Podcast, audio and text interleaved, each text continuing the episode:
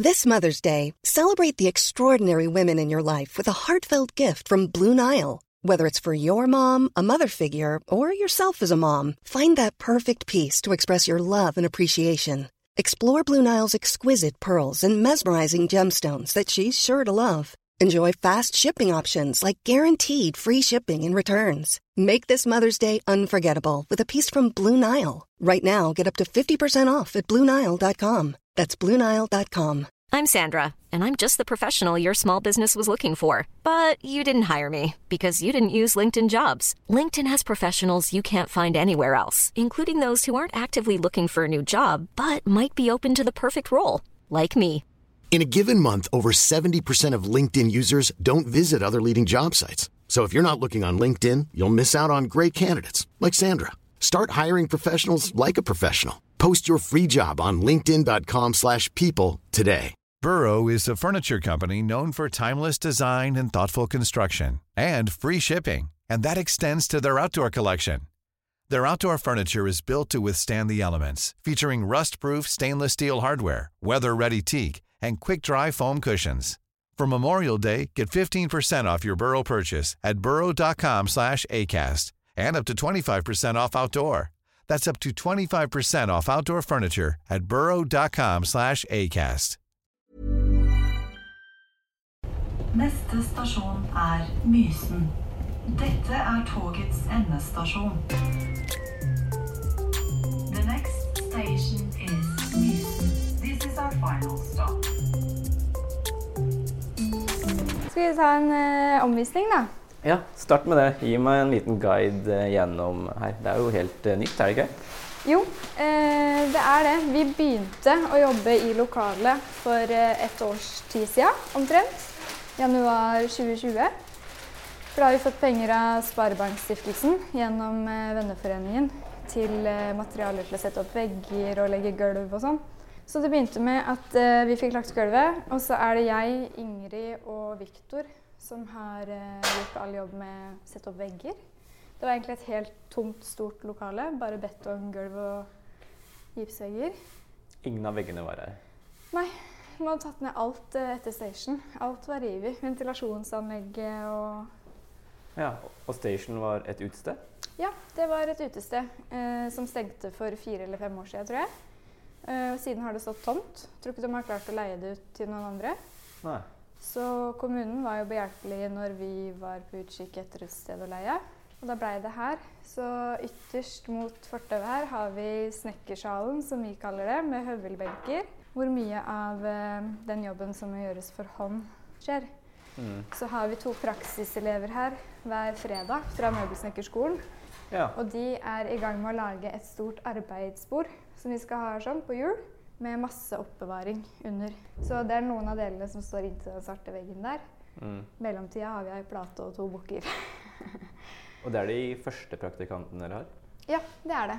Og var det litt av uh, hovedpoenget med å starte bedriften? At dere skulle få inn praktikanter fra møbelsnekkerskolen her i Mysen?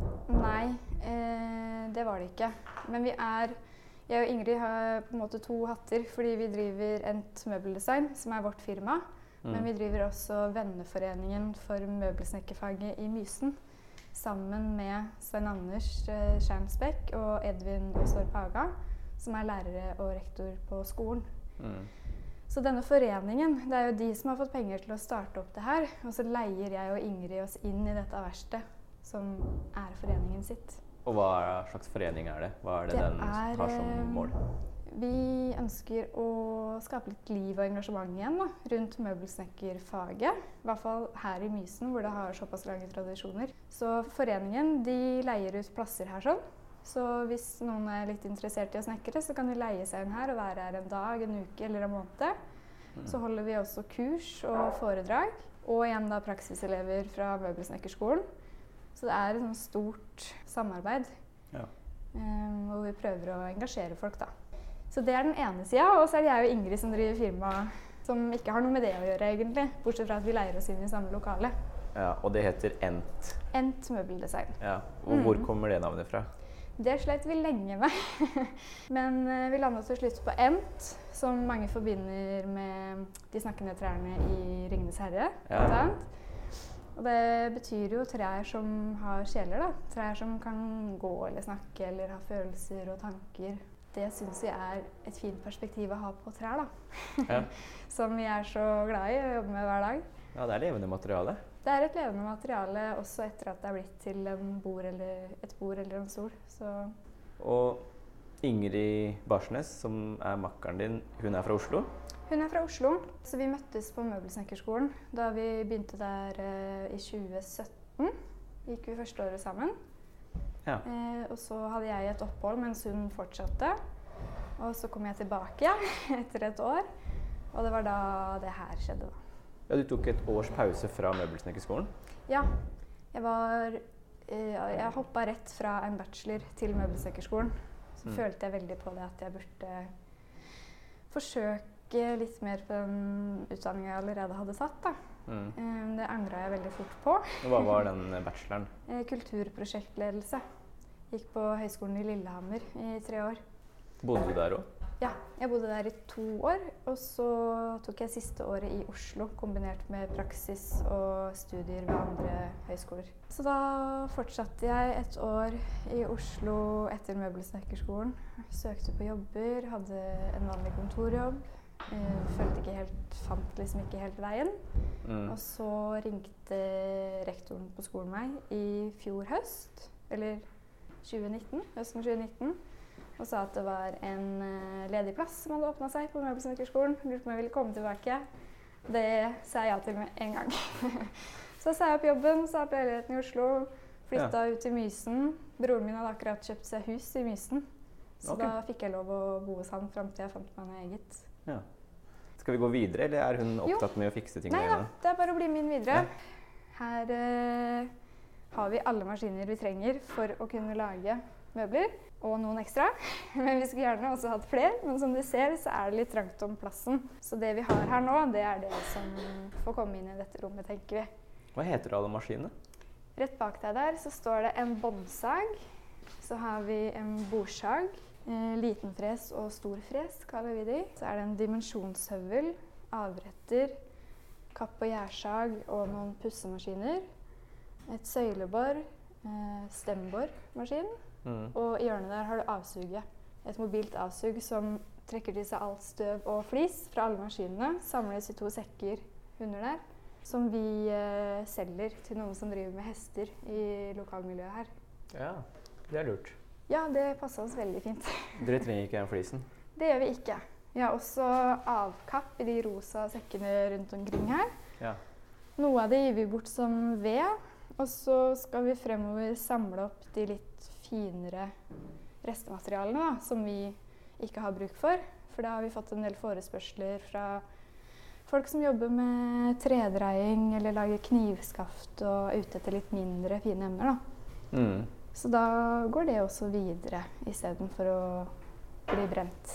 Har dere alt dere trenger av utstyr? Vi ønsker oss stadig vekk noe nytt, men vi har alt vi trenger. Vi har det. Kommer du inn i et gammelt snekkerverksted, så kan du kjenne igjen maskinene fra de du ser her nå. Eh, For de ser ofte veldig like ut. De er kanskje litt større, mer massive og tungvinte å arbeide med. Men prinsippene er akkurat de samme. Ja. Fordi de ser jo nye ut på utsiden, i hvert fall for mitt øye. Men Mm. det er jo sikkert en øh, lengre øh, tradisjon bak det. Ja, det er det. Kanskje ikke sånn type stembormaskinen, veit jeg ikke.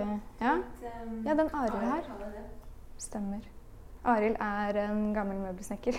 Okay. Arild Korperud. Han er vel noen og 70. Og han eh, holder til på andre sida av jernbanelinja her, sånn. Mysen gamle snekkerverksted. Ja. Han er da tredje generasjons møbelsnekker her i Mysen. Hvor mange er det av dere her? Det er to. Det er Arild og oss. Så det er ikke noen flere, selv om dere har en møbelsnekkerskole her? Nei, ikke det, men det er i områdene rundt. I Rakkestad er det vel trappesnekkere. Og på Ørje har vi Syversen snekkeri, som driver mye med kjøkken. Mm. I Trøgstad er det mm, Strønes snekkerverksted. Han gjør mye av det samme som oss. Han tar på seg mindre oppdrag, men han jobber også mye med kjøkken og garderober og sånt. Ja. Er det noen flere rom eh, Vi har et rom til innover her, som er eh, overflatebehandlingsrommet vårt. Vi jobber ikke noe med lakk på de møblene vi gjør. Vi jobber kun med olje, hardvoksoljer. Mm. Og det foregår her inne hvor det er skal i hvert fall være støvfritt, så ikke det setter seg på møblene. Og Hva er forskjellen på det å jobbe med olje og det å jobbe med lakk? Lakk, det kan vi ikke. Lakk er eh, et eget fag. Ja. Det tar det lang tid å lære seg å gjøre ordentlig. Og så skulle man hatt et sprøytelakkeringsrom da, med ordentlig avsug og sånne ting. Det har Arild, så han har eh, lakkert det hvite skapet der for oss. Vi prøvde å gjøre det sjøl eh, med maling bare her inne, men det ble ikke noe pent. Mm. Så da sendte vi den jobben videre til ham. Og hva er fordelen med å lakke? Det lokker Altså jeg vil jo ikke si at det er noen fordeler med det, fordi jeg er mye mer glad i å bruke olje. For da Mm. får treverket pustefritt, og det er åpent. Lakk er veldig sånn mye brukt fra gammelt av, og da lokker du eh, laget rundt treverket, da. Det gjør ikke Arild noe. Nei, det gjør ikke Arild noe, og det er, en veldig, det er veldig mye brukt. Det er bare Ja. vi kan det ikke, og vi er ikke så interessert i å lære oss det heller ennå, i hvert fall. Kanskje Dere har kanskje nok å holde på med? Ja, det har vi. Ja. Heldigvis. Så det er det. Ehm, alle de vinduene rundt her. Det inn der. Så har vi det store vinduet her borte. Mm. Det er også en del av det lokalet som venneforeningen leier. Men vi leier alt innafor her. Ja. På andre siden så skal det etter hvert bli etablert en slags kafé. Vi leier ut til en tredjepart. Ja, I det lokalet vi ser rett fram der? Ja. Eller det rommet? Stemmer. Så det har, de har det rommet der, og så har de det gamle kjøkkenet som hørte til um, Station? Station. Og så har vi også fått lov å bruke parken utafor her av utleier. For det er den gamle Mm. jernbaneparken som ser litt stusslig ut i dag. Det er veldig få som bruker den, så vi har lyst til å sette den litt i stand. Da. Mm. Mm. Har vi sett alle rommene da? da har vi sett alle rommene. Kan vi gå inn Kontoret igjen. Yes. Ja, Hvor lang tid tok det å gjøre om den brune puben til uh, det vi ser nå? Et sånt uh, komplett møbelverksted? Vi begynte i januar 2020 og var uh, Vi holdt på eh, fram til åpning 4.9. Men selve veggene, eh, elektrisitet, rørlegger Det var nok ferdig i juli-august, kanskje, i fjor. Mm. Så rundt et halvt års tid, da. Men vi føler oss jo fortsatt ikke helt ferdig. Det er eh, mye som skal opp, og alle verktøyene skal ha en egen plass. Det er liksom alltid noen forbedringer som kan gjøres. Så hver fredag så jobber vi med verksted. Hvor viktig er det med sånn eh, superbra system og sortering av verktøy og utstyr?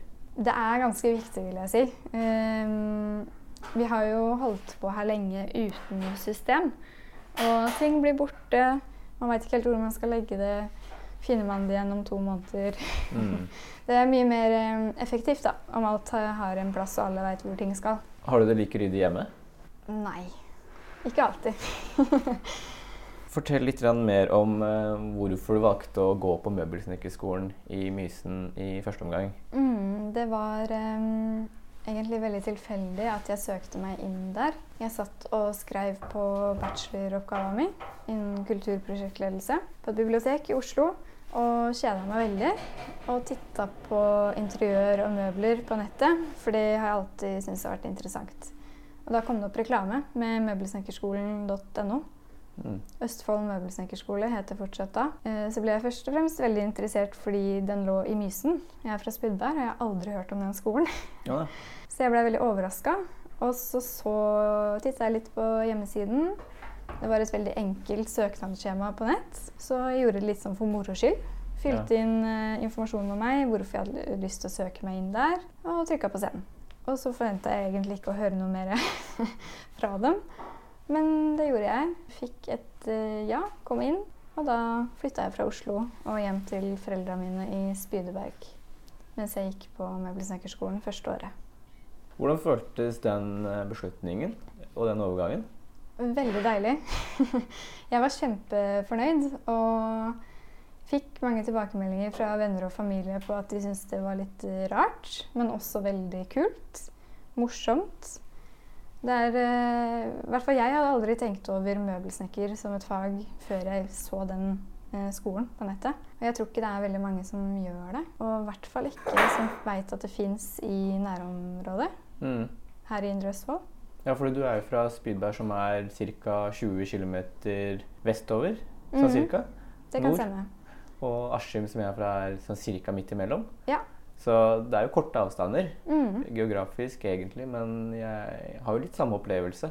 Dette her tror jeg er første gangen jeg da har tatt toget til Mysen Ja, ikke sant? Det kan jo si like mye om at jeg tar toget sjelden, at jeg heller kjører bil hit, men jeg har ikke heller kjørt bil hit så ofte. Nei, jeg har vært der et par ganger i russetida, husker jeg. Mm. Eh, kanskje en eller to ganger. Mm. Ellers så har jeg nesten aldri vært i Mysen. Nei, ikke sant? Det, er veldig, det føltes veldig rart å begynne Jeg også tok jo toget fra Spydberg til Mysen hver dag når jeg gikk på skolen her. Ja. Det var veldig uvant i starten.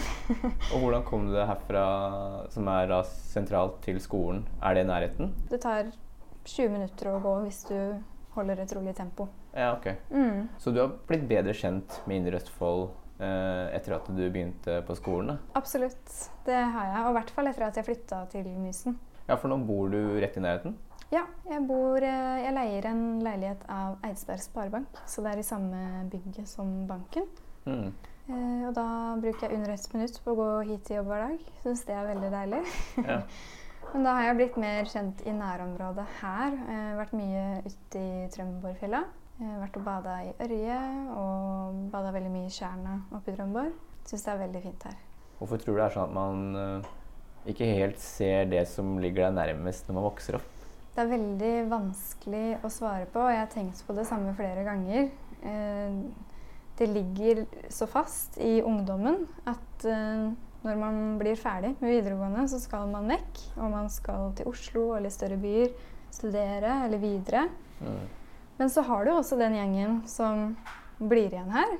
Og ofte så er jo det de som har gått yrkesfag, fordi de i utdanningsperioden er lærlinger, og de knytter kjennskap til bedrifter i lokalmiljøet. Kanskje de får seg jobb etter at de er ferdig med lærlingtida. Mm. Eh, så, så jeg syns det er et ganske klart skille. Man kan fort tenke at alle vil vekk. Mm. Men det er jo mange som blir også. Ja. Jeg skulle ønske at jeg sjøl satte mer pris på eh, hvor jeg kom fra. Spydvær, Indre Østfold.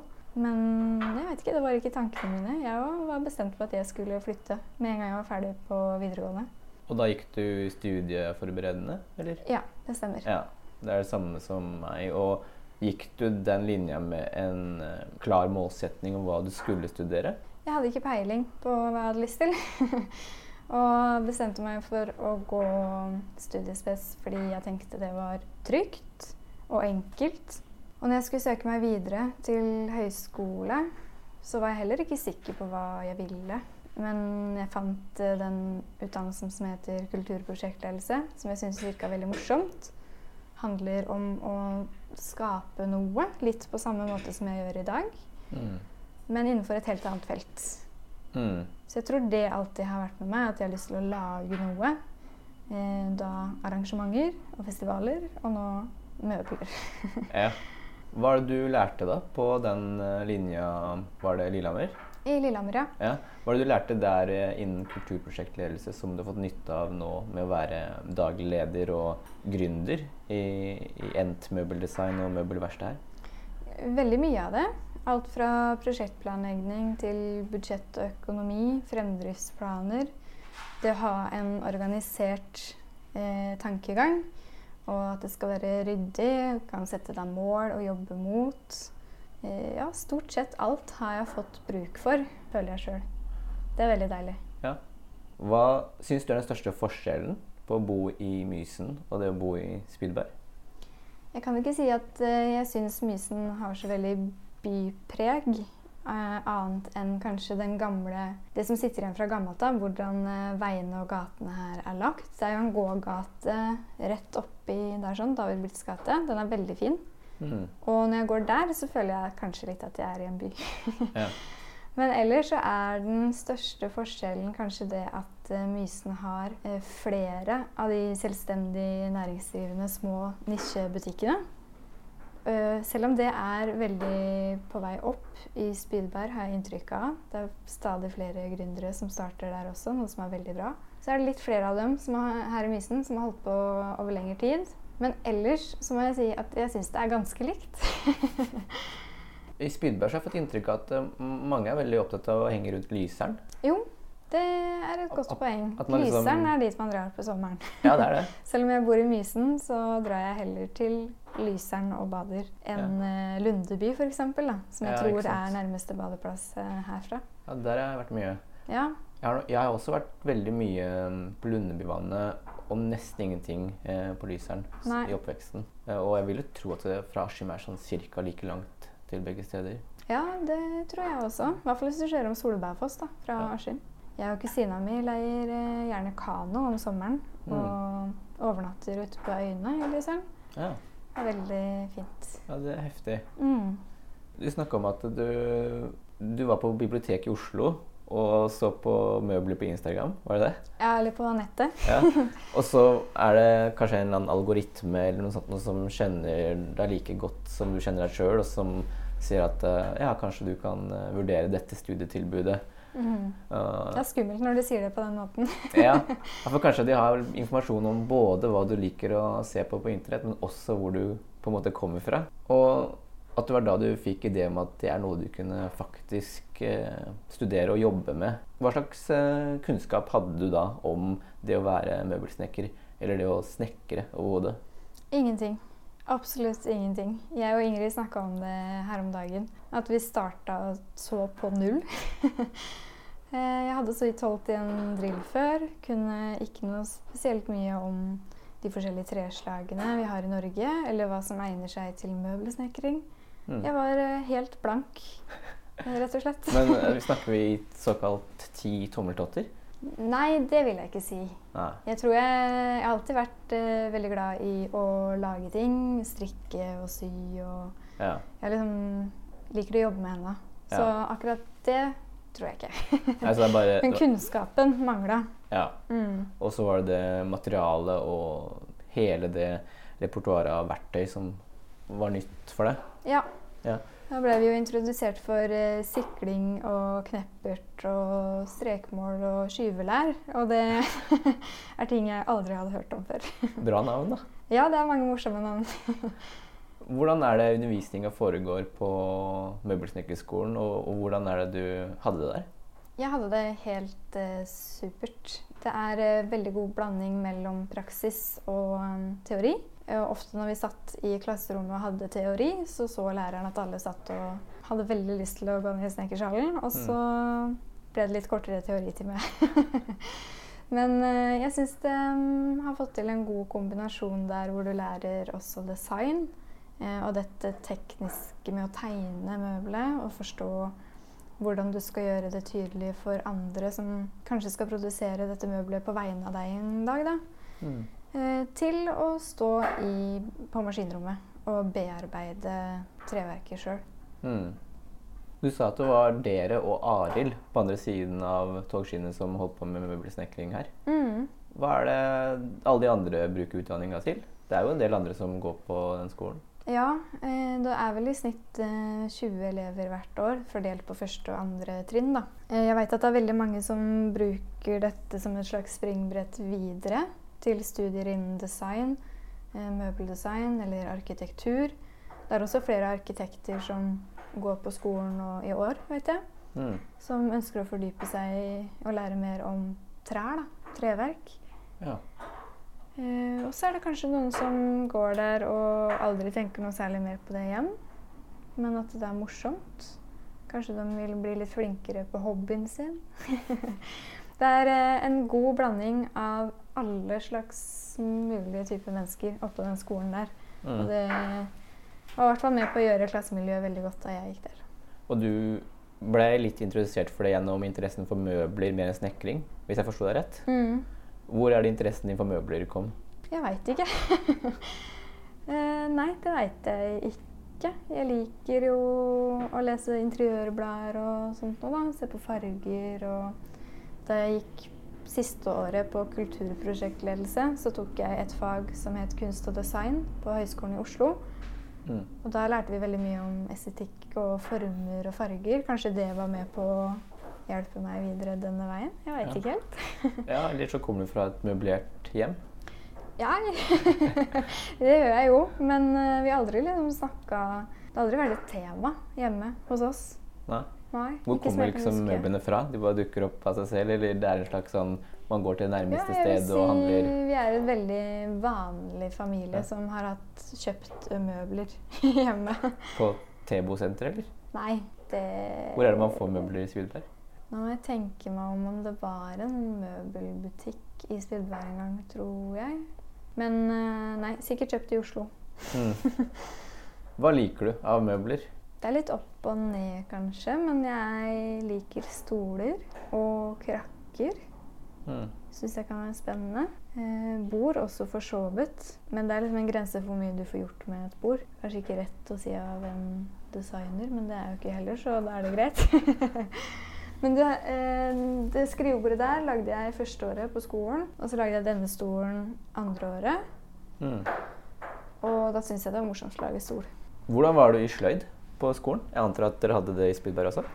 Ja, jeg husker ikke så veldig mye fra det. Mamma har ting stående hjemme som vi lagde på sløyden.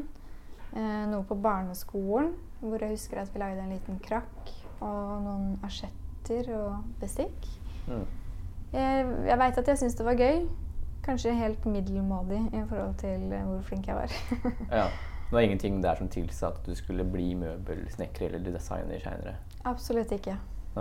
Hvordan er det foreldrene dine responderte da du sa du skulle begynne på skolen her i Mysen, og så seinere starte ditt eget verksted? Jeg tror de syns det er veldig morsomt. Um, kanskje litt rart i starten da jeg fortalte det. Pappa syntes det var veldig kult. Det gjør han fortsatt. Uh, mamma også syns det. Men eh, de var kanskje litt skeptiske i og med at jeg akkurat hadde fullført en annen treårig utdanning som var helt annerledes. Mm. Men uh, nå er de veldig fornøyde begge to, tror jeg. Men kan du si litt om hva du først så for deg at du skulle bruke den uh, kulturprosjektledelseutdanninga til? Og hva som gjorde at eh, du til slutt ikke helt klarte å forestille deg det lenger? Ja, i starten så var det vel mer um, at jeg tenkte at dette her er gøy. Og det å lage arrangementer, kanskje jobbe på et kulturhus og booke booke alt som skal skje, da. Lage arrangementskalenderen. Ha ansvaret for det. Eh, men det er egentlig aldri sånn at jeg har tenkt gått bort ifra det. Jeg tror fortsatt det kunne vært veldig morsomt. Mm. Og etter at jeg flytta hit og har fått eh, være med på noen, noen lokale verksteder om eh, utviklingen av Mysen, så har jeg blitt veldig interessert i dette med stedsutvikling. Mm. Og da også er en sånn utdannelse egentlig helt perfekt. Det å kunne se identiteten, utvikle den gjennom kulturelle arrangementer, møteplasser, hva det måtte være. Det syns jeg er veldig spennende og morsomt. Så det, jeg har ikke lagt det fra meg. Jeg har det gående i bakhuet. Og du har kanskje vært på Spydberg Rock-festivalen dere har der? Det har jeg. Det er veldig morsomt. Kan du si litt om den festivalen? Jeg har aldri vært der før. Nei, eh, jeg vil si at det er en veldig folkelig festival. Alle er velkomne. De kjører veldig mye for barn på dagtid. Og så på kvelden så går det over til kanskje en mer normal festivalsetting med voksne og alkoholservering. Men det er, eh, veldig, det er alltid gøy. Alle er inkluderende. Folk kan si hva de vil om musikken. Den vil det jo alltid være delte meninger om. Mm. Men jeg syns de er flinke til å booke noe for enhver, da. Mm. Noe alle kan si seg fornøyd med gjennom en kveld på festivalen. Hvis ikke du har vært der, så anbefaler jeg det veldig. Ja. Når de får lov å sette opp igjen. Jeg vet, tror jeg ikke om det blir noe i år, jeg. Kanskje litt kjipt å ha sånn digital Spydberg Rock. Ja, det, da er det bedre å drøye det. Spesielt den sjangeren. Det Ja. litt sånn stusslig. Mm. Må være akustisk i så fall.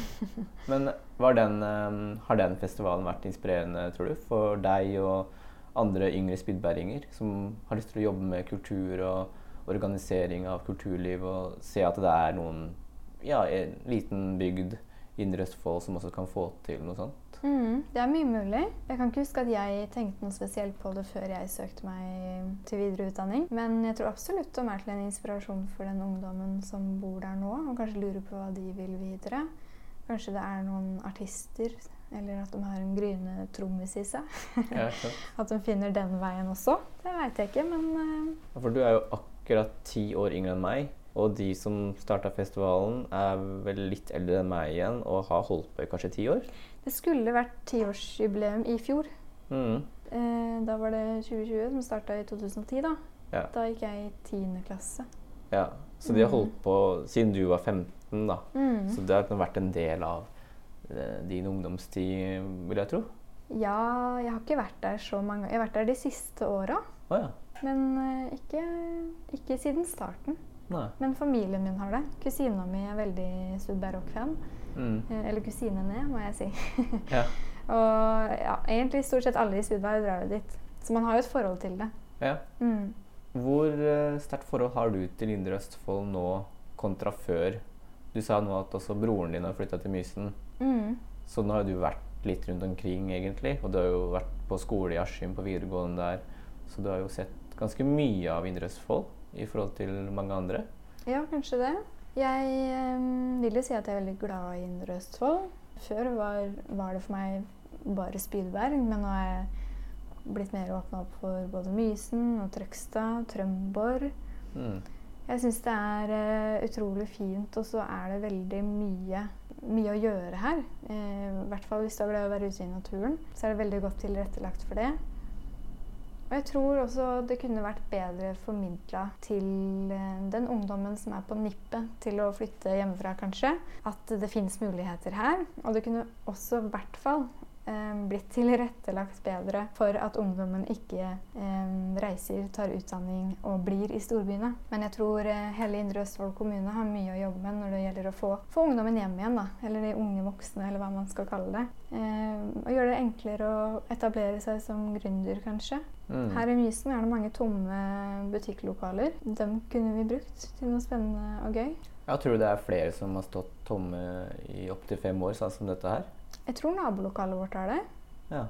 Um, og så, jeg, vet, jeg er ikke helt sikker på de andre rundt om, men det er jo mulig. Mm. Men som eh, gründer og kulturprosjektleder, hva er det du kan se for deg at de skal fylle de lokalene med? Er det noe du synes mangler? Noe som du tror kan fungere? Noe som kan eh, løfte Mysenbyen eh, enda et hakk? Absolutt, men det er litt vanskelig å sette fingeren på akkurat hva det skal være. Men jeg tenker et sånn slags kreativt fellesskap, hvor man kanskje kan jobbe med å eh, hjelpe folk til å gjennomføre ideer de har. Eh, kunne vært noe. Eller sånne co-working spaces som det er mange av i Oslo. Det Mm. tror jeg kunne vært fint her, for det er veldig mange som pendler inn til byen. Ja. Og nå som hjemmekontor er blitt eh, en del av hverdagen for veldig mange. Ja. Kanskje man kunne kommet seg på hjemmekontor bare på et felleskontor i Mysen. Komme seg litt ut. Mm. Nei, jeg vet ikke. Det er mange muligheter. Utstillinger, hva enn det måtte være. Mm. Som du sa, så fikk jo du heller ikke liksom så mye kontakt med folk fra Mysen under videregående. Det er kanskje mest under russetida og sånn. Ja, og da også var det veldig sånn typisk rivalisering av Skim og Mysenrussen, ikke sant. Så vi hang ikke så veldig mye med Mysenrussen da heller. Nei, hvor kommer den rivaliseringa fra? Aner ikke. Det er vel en tradisjon, da. Det er vel revyen husker jeg det var mye snakk om. Ja. Hvem som skulle vinne, få best terningkast og sånt noe. Men jeg var ikke så involvert i den sjøl, så Jeg følte du at det var litt kunstig? Litt sånn uh, påtatt at man skal ha en sånn rivalisering, når jo Mm. det egentlig ikke ligger noe særlig fiendtlighet til bunns for det. Kanskje når jeg ser tilbake på det. Jeg tenkte ikke noe særlig over det da. Det var bare sånn det var. Ja. Eh, men nå så kan jeg tenke det. Håper ikke det er sånn fortsatt for dem som er russ nå. Nei, det, det er kanskje litt mest komisk Ja. og litt søtt når man Det tenker er tilbake hyggeligere på om det. alle kan samles. Ja. Bli kjent med nye folk. Hvis man skal se sånn stedsutviklingsmessig på det, så kanskje hvert sted kan vokse litt på det. At man er litt sånn vennskapelig, knuffende på hverandre og gjør hverandre litt mer særegne og litt mer eh, Ja. i sin egen identitet og Det er presser fram sine kvaliteter på eh, et eller annet vis.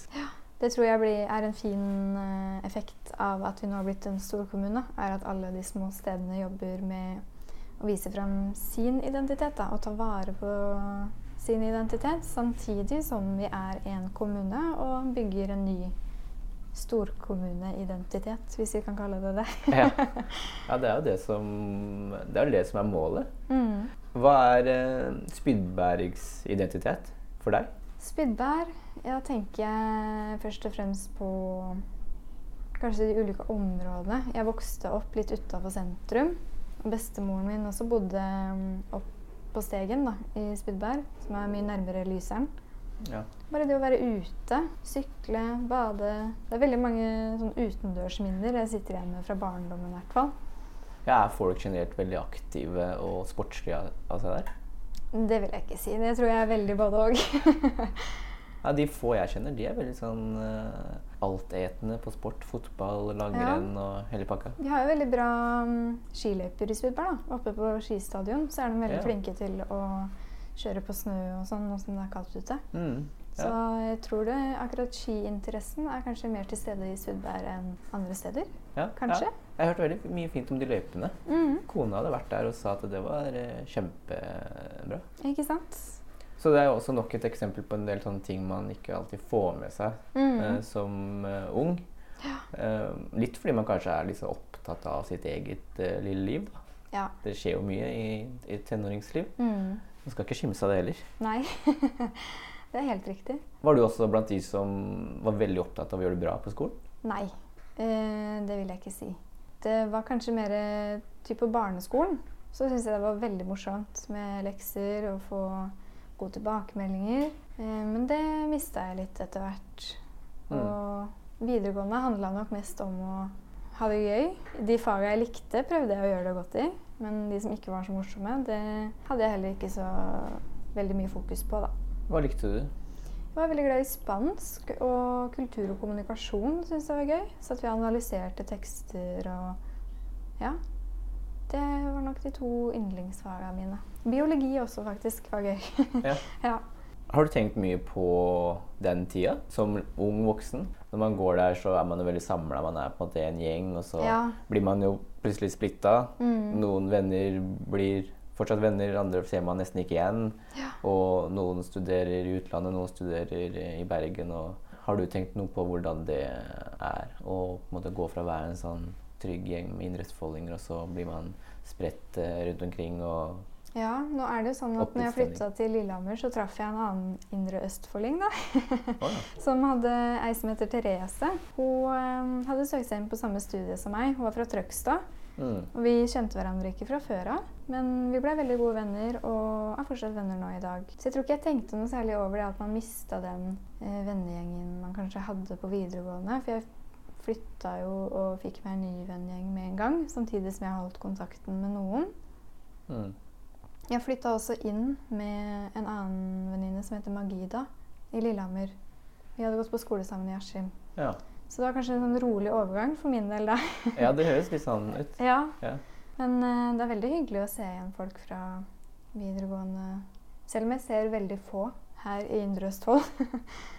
Ja, hvor har det blitt av? Hvor har alle de blitt av de du var sammen med på videregående? Men burde ikke du komme innom og bestille et møbel? jo, det syns jeg absolutt. Kanskje med tida. Du må fortelle litt om hva dere har lagd. Så langt dere har jo holdt på i et halvt år. Ja, det er kanskje blitt såpass allerede, ja. Vi får forespørsler på alt mulig rart. Ehm, Så rett før jul så leverte vi en plastbygd eh, køyeseng. Og så har vi laga noe spisebord i helt tre. Vi har restaurert en del møbler. Mm. Eh, Og tida framover nå så har vi plastbygde hyllesystemer, eh, TV-møbler. En VA-kasse jobber jeg også med nå. En kunde som har eh, tegna en VA-kasse og satt mål. Så vi lager rett og slett produktet hun har tegna sjøl. Lager det på bestilling. Mm. Er det vanlig å få tegninger servert sånn?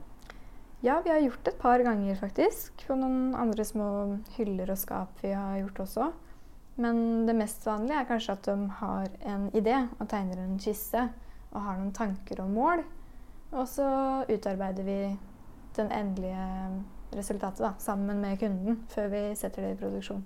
Jeg har sett en del sånne plastbygde hyller og senger og sånn. Mm. Hvor kommer den interessen fra, eller det, den etterspørselen fra, tror du?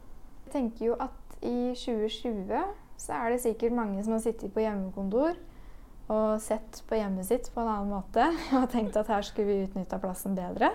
Ja. Så akkurat med, siden pandemien kom, da, så tror jeg det er en bølge som vi vil følge i flere år fremover nå. Så er det det med å få utnytta plassen ordentlig. Mange gamle hus har sånne små nisjer hvor det kanskje ikke passer med ferdigkjøpte møbler. Mm. At det blir seende litt rart ut. Ja. Og da er det jo veldig flott da, å få laga noe som passer akkurat på millimeteren. Ja. Er det sånn at uh, Har det gått opp for deg at det er noen sånne møbler fra besteforeldre eller oldeforeldre sånn som har gått tapt, som du ser for deg nå at det skulle du tatt vare på og restaurert? Ikke sånn spesifikke møbler, for jeg husker ikke så mye av hva det var besteforeldrene mine hadde hjemme. Men jeg skulle gjerne tatt en ekstra titt de møblene bestemoren min hadde der hun bodde, før hun flytta til sentrum. Der tror jeg det var mye fint som kunne vært tatt vare på. Mm. Men jeg husker det ikke sånn spesifikt. Nei, for det, det høres ut som en utrolig fin ting, da. Mm. Eh, hvis jeg hadde vært møbelsnekker eller kunnet eh, restaurere ting, så ser jeg for meg at jeg kunne fort blitt litt sånn fanga i fortida, og litt sånn fanga i den besettelsen av å skulle reparere eller ivareta gamle ting fra familien som ellers bare hadde blitt gitt bort på Finn. Ja, man kan sikkert fort bli litt sånn eh, eh, hoarder og liksom samle på Ja, Denne kan bli fin igjen ja, hvis man bare uh, restaurerer. ja. Men det er en enorm jobb ofte. Så man må jo vurdere da om det er verdt det eller ikke. Å bruke den tida eller de pengene for de som ikke kan gjøre det sjøl, Mm. på å ta det tilbake til opprinnelig stand. da. Hvor lang tid kan et prosjekt ta? Jeg husker ikke hvor mange timer jeg brukte på eh, to små stoler som vi hadde her i fjor høst. som Vi restaurerte for en kunde. Da var det ganske mange deler som måtte byttes ut. Eh, og vanligvis så prøver jeg å telle timer for min egen del og for kundens eh, og se hvor lang tid jeg faktisk bruker. da. Mm. Men det slutta jeg bare med etter hvert på det der prosjektet. For det tok så lang tid. Og jeg var så lei etter hvert. Men det var nok kanskje oppi en Kanskje si 60-70 timer nå. Jeg veit ikke om det er helt uh, utafor, men jeg tror faktisk ikke det. Med tanke på hvor mange timer det ble med pussing og Er det rett og slett med sandpapir, eller har dere mange ulike pusseteknikker? Nei, det er uh, med pussepapir. Og så er det jo da enten med pussekloss, pusse for hånd. Mm. Eller så har vi forskjellige pussemaskiner. Ja. Uh, håndholdt uh, eksentersliper, deltasliper. Og så har vi en eh, spindelpusser og diskpusser som sto inne på maskinrommet hvor vi var i stad. Og er det sånn at alle møbler må etterbehandles på noe vis? Med oljing Eh, ikke med lakk, eh, men med olje så er det greit å olje det på nytt igjen når du kjenner at det blir litt tørt, eller du kan se at det er litt sånn matt, da, kanskje. Så da er det veldig enkelt for kunden å gjøre det sjøl, hvis ikke de ønsker at vi skal gjøre det. Mm. Bare påfører olje, lar det ligge litt, og så tørker man det av igjen med en tørr klut f.eks. Hvorfor er det viktig å tørke av? For jeg glemte å gjøre det da jeg olja spisebordet i fjor. Ja, Men gikk det bra? Jeg tror ikke. Nei. Det kan bli litt skjoldete, da, og så legger det seg i altså ujevnt. Det kan bli Ja. litt sånn seigt. Mm. Da ville jeg nok eh, gjort det på nytt, hadde jeg vært deg. Og så er det flekker og områder som ikke ser ut til å ha fått noe olje på seg. ja, da kan det være at det er eh, rester av lakk f.eks. under der. Jeg vet ikke Ja. om du pussa vekk noe gammelt før du tok på den nye olja? Nei. Da kan det være noen andre mm, kjemikalier nedi der som gjør at treverket ikke tar til seg den olja som du påfører. Så da bør man gå over med sandpapir først. Ja. Hva slags korning snakker vi? Da må du først vite om det er heltre, eller om det er et finert bord. Vet du det? Hvordan ser man forskjell? Det er eh, ikke alltid så lett å se forskjell, men eh, jeg kan vise deg det bordet her borte. Dette er eh, et finert bord. Et settbord som vi kanskje skal restaurere for en kunde. Da ser du på siden her at eh, dette er heltre. Men så ser du på toppen her, at det er lagt på et sånn tynt lag med finer på toppen. Ja. Så fra siden så kan vi se at det ser ut som at det er furuskjerne i den her sånn. Mm. Og så er det flammebjørk på toppen. ja, ikke sant. Fordi hvis det skulle vært heltre, så skulle disse sporene, eller ringene, på en måte bare fulgt oppå her også? Ja, stemmer. Så hadde dette mønsteret også vært på bordplata. Ja. Hmm. Det skulle jeg visst før. Ja. så avhengig av det, da, så veit du om du kan gå på så mye du vil med pussepapir hvis det er heltre. Men hvis det er finer, så må du være forsiktig så ikke du går igjennom fineren. Ja, ok. Men Mm. allikevel pusse litt. Pusse litt. Ja. ja. Ellers kan du bruke den siklinga som vi var inne på i stad.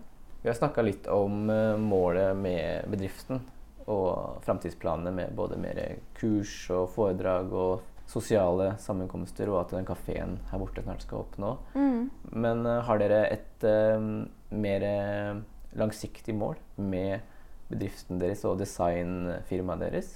Ja, vi håper jo med tida at vi kan fokusere mer på egne design. At det er hoveddelen av det vi gjør, er å designe egne møbler, produsere dem for salg.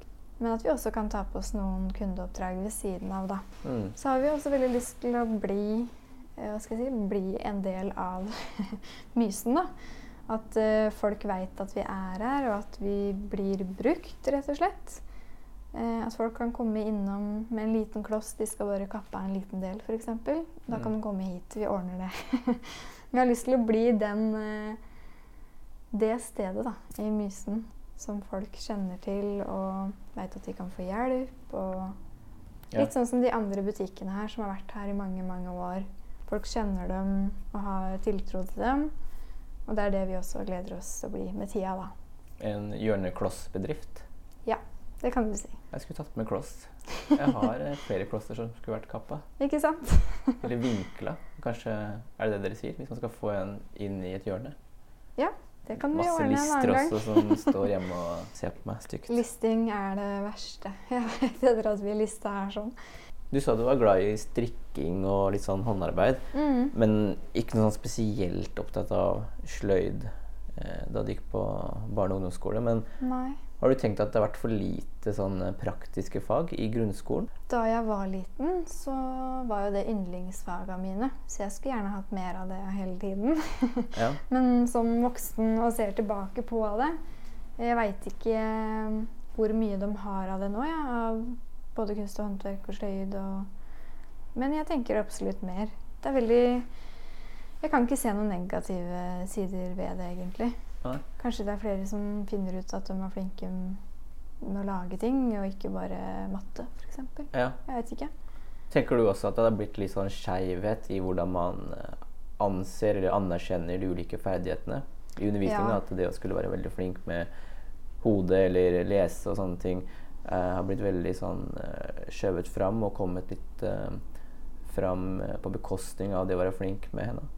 Skolen er vel kanskje satt opp på en måte som gjør det lett for dem som er skoleflinke. Og så er det jo tenkt at du alltid skal videre. Du skal videre til ungdomsskole, du skal videre til videregående og til slutt på en høyskole. Mm. Eh, Det er liksom lagt opp for et veldig langt løp, da.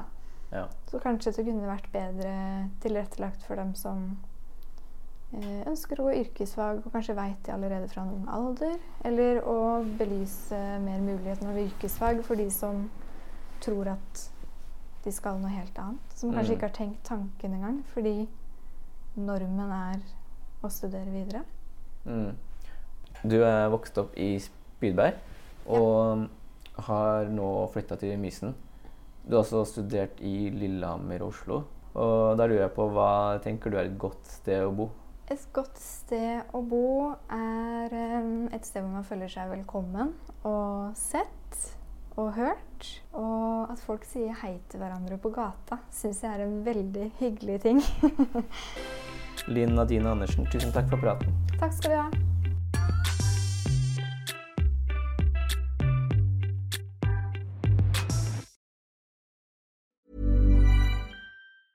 Selling a little or a lot? Shopify helps you do your thing however you cha-ching. Shopify is the global commerce platform that helps you sell at every stage of your business. From the launch your online shop stage to the first real life store stage, all the way to the did we just hit a million orders stage. Shopify is there to help you grow. Shopify helps you turn browsers into buyers with the internet's best converting checkout. 36% better on average compared to other leading commerce platforms because businesses that grow grow with Shopify. Get a $1 per month trial period at Shopify.com slash work. shopify.com/work. Imagine the softest sheets you've ever felt. Now imagine them getting even softer over time. That's what you'll feel with Bowl and Branch's organic cotton sheets. In a recent customer survey, 96% replied that Bowl and Branch sheets get softer with every wash. Start getting your best night's sleep in these sheets that get softer and softer for years to come. Try their sheets with a 30-night guarantee. Plus, get 15% off your first order at bowlandbranch.com. Code BUTTERY. Exclusions apply. See site for details. Planning for your next trip?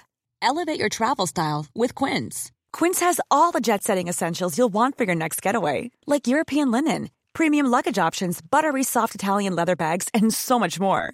And is all priced at 50 to 80% less than similar brands. Plus, Quince only works with factories that use safe and ethical manufacturing practices.